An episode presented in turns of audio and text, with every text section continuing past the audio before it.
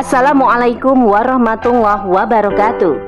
Sahabat podcast Narasi Pos Media, kembali lagi bersama saya, Yeni, dalam rubrik opini. Berikut selengkapnya. Pejabat memperkaya diri di saat hidup rakyat makin sekarat. Benarkah? Oleh Ayumela Yulianti SPT. Komisi Pemberantasan Korupsi atau KPK menyoroti hasil laporan harta kekayaan penyelenggara negara atau LHKPN yang diterima. Hasilnya tercatat sebanyak 70% penyelenggara negara memiliki harta yang kian berlimpah. Selain di lembaga legislatif, harta para pejabat di eksekutif dalam Kabinet Indonesia Maju di bawah naungan Presiden Joko Widodo atau Jokowi selama pandemi COVID-19 juga bertambah. Di sisi lain, satu keluarga yang terdiri dari ibu, ayah, dan anak yang masih berusia enam tahun ditemukan tewas di dalam tumpukan puluhan plastik berisi baju baru siap edar. Polisi menduga mereka tewas karena tertimpa puluhan tumpukan baju di sebuah rumah yang menjadi gudang penyimpanan pakaian. Kasat Reskrim Polresta Banjarmasin Kompol Alfian Tri Permadi mengatakan, ketiganya merupakan satu keluarga yang ditugaskan pemilik salah satu penjual baju menjaga gudang itu. Ketiganya ditemukan tewas pada Jumat 10 September malam. Miris, kehidupan bercampur di kalangan penguasa dan pejabat penyelenggara negara berbanding terbalik dengan kehidupan sempit yang dinikmati publik. Hingga ada banyak rakyat yang menderita Sampai-sampai hidup pun tinggal di gudang pakaian dan mati mengenaskan sebab tertimpa benda-benda di dalam gudang. Entah bagaimana nasib hisab yang akan diterima oleh para pemimpin dan pejabat penyelenggara negara saat mereka benar-benar abai dalam mengurusi rakyatnya. Sehingga rakyatnya banyak yang tertimpa kelaparan dan ketiadaan tempat tinggal. Sedangkan para pejabat penyelenggara negara hidup dalam kemakmuran. Pasti mereka, yaitu para pemimpin dan pejabat penyelenggara negara, akan dituntut oleh rakyatnya di hadapan hakim yang maha adil, Allah subhanahu wa ta'ala. Dan Allah subhanahu wa ta'ala akan menimpakan siksaannya yang sangat pedih akibat abainya mereka terhadap amanah jabatan dan kekuasaan. Itu pasti terjadi. Sebetulnya, Rasulullah Wasallam telah mengabarkan kepada kita bahwa Allah Subhanahu wa taala telah memerintahkan manusia agar menerapkan hukum syariat yang telah ditetapkannya untuk kehidupan manusia. Hal tersebut agar timbul keadilan dan kesejahteraan dalam kehidupan. Rakyat tidak dizalimi dan penguasa serta pejabat penyelenggara negara pun tidak berbuat zalim terhadap rakyatnya. Namun, karena hukum syariat Islam tidak diterapkan dalam kehidupan, maka semua terkena akibat buruknya, yaitu rakyat dizalimi sebab haknya tidak ditunaikan oleh negara. Adapun pejabat penyelenggara negara pun menzalimi rakyatnya sebab tidak menunaikan kewajiban yang telah ditetapkan oleh Allah Subhanahu wa taala terkait amanat jabatan dan kekuasaan untuk mengurusi seluruh kebutuhan rakyatnya mulai dari sandang, pangan, papan, kesehatan, keamanan, dan pendidikan. Inilah buah pahit dan beracun yang harus kita telan saat meninggalkan hukum syariat Islam dan mengambil hukum sekuler kapitalis dalam kehidupan kita. Para penguasa dan pejabat penyelenggara negara akan berlomba-lomba untuk memperkaya diri sendiri, sebab sistem sekuler kapitalis membolehkannya. Para penguasa dan pejabat penyelenggara negara akan leluasa untuk melakukan korupsi sebab sistem sekuler kapitalisme melegalkannya melalui perundang-undangan yang dibuatnya. Alhasil, perilaku demikian akan menyebabkan para penguasa dan pejabat penyelenggara negara akan merampok kekayaan negara dengan jalan yang sangat rakus.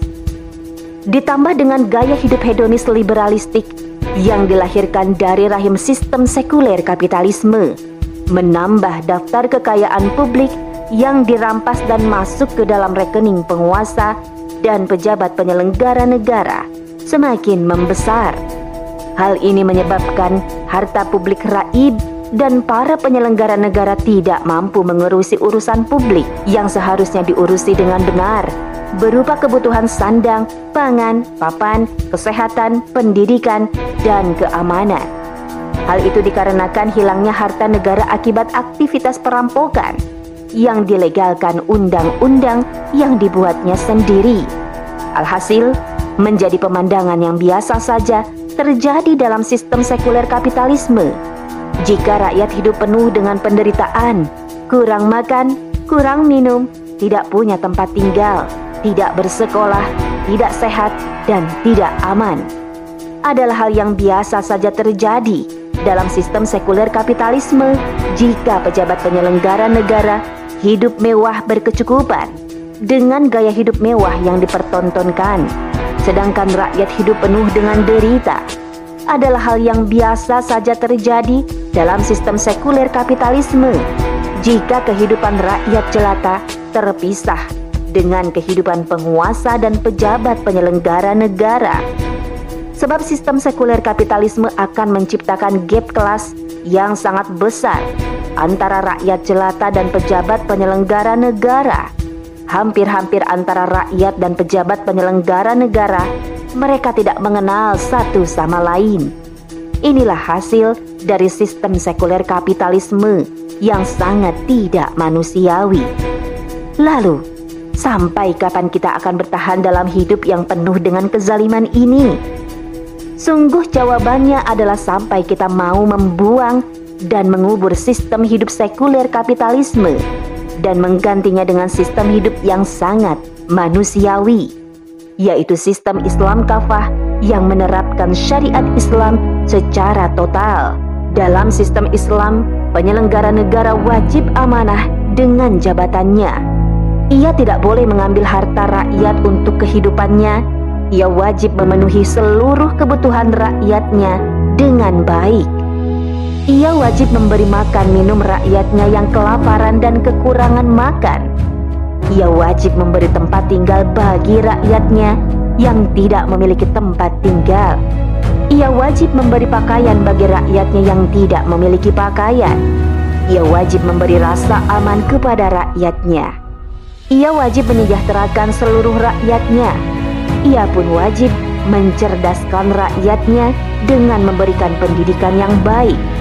Demikianlah tanggung jawab besar para penguasa dan pejabat penyelenggara negara. Islam telah mengharamkan jabatan dan kekuasaan dijadikan sebagai jalan untuk meraup kekayaan duniawi pejabat dan penyelenggara negara. Dan Islam tidak pernah memberikan jalan pada para pejabat dan penyelenggara negara untuk mengambil dan mengoleksi banyak harta. Islam mengancamnya dengan ancaman yang sangat pedih bagi para pejabat dan penyelenggara negara yang berbuat demikian. Hal tersebut telah dicontohkan oleh baginda Rasul Shallallahu Alaihi Wasallam dan para sahabatnya. Sebagai negarawan sejati, Rasul Muhammad Shallallahu Alaihi Wasallam adalah orang yang pertama lapar dan terakhir kenyang. Pun dengan para sahabat yang menjadi pemimpin umat sepeninggalnya. Rasul Shallallahu Alaihi Wasallam dan para sahabat mengurusi masyarakat yang menjadi rakyatnya dengan baik. Hingga ada segolongan kaum miskin, papa, dan lemah dalam segala hal diurusi dengan baik oleh baginda Rasul Shallallahu Alaihi Wasallam. Mereka yang dikenal dengan golongan ahlus sufah diberi tempat tinggal oleh baginda Rasul Shallallahu Alaihi Wasallam, dipenuhi segala kebutuhannya dengan baik pun begitu dengan Umar bin Khattab radhiyallahu anhu, sahabat Rasul yang menjadi Amirul Mukminin sepeninggal baginda Rasul sallallahu alaihi wasallam yang memiliki kekuasaan yang sangat besar yang mampu menaklukkan imperium Persia dan Romawi. Umar bin Khattab radhiyallahu anhu hidup dalam kesederhanaan dan kebersahajaan, jauh dari kehidupan mewah dan berfoya-foya sedangkan kehidupan rakyatnya sangat sejahtera dan sangat berkecukupan. Semua hal ini dilakukan oleh Umar bin Khattab radhiyallahu anhu karena beliau mencontoh dan meneladani cara Rasul Shallallahu alaihi wasallam ketika menjadi pemimpin umat.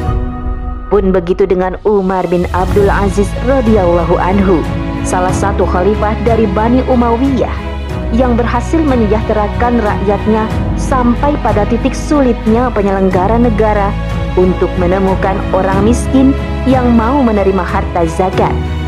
Alhasil, harta zakat tertumpuk penuh di Baitul Mal sebab tak ada satupun rakyatnya yang mau menerima harta zakat sebab sejahteranya kehidupan mereka. Begitulah seharusnya kehidupan ini berjalan, yaitu menerapkan syariat Islam kafah dalam bingkai khilafah sebagai sistem kehidupan warisan baginda Rasul Sallallahu Alaihi Wasallam yang telah terbukti mampu mengantarkan kebaikan dan keberkahan hidup. Wallahu a'lam.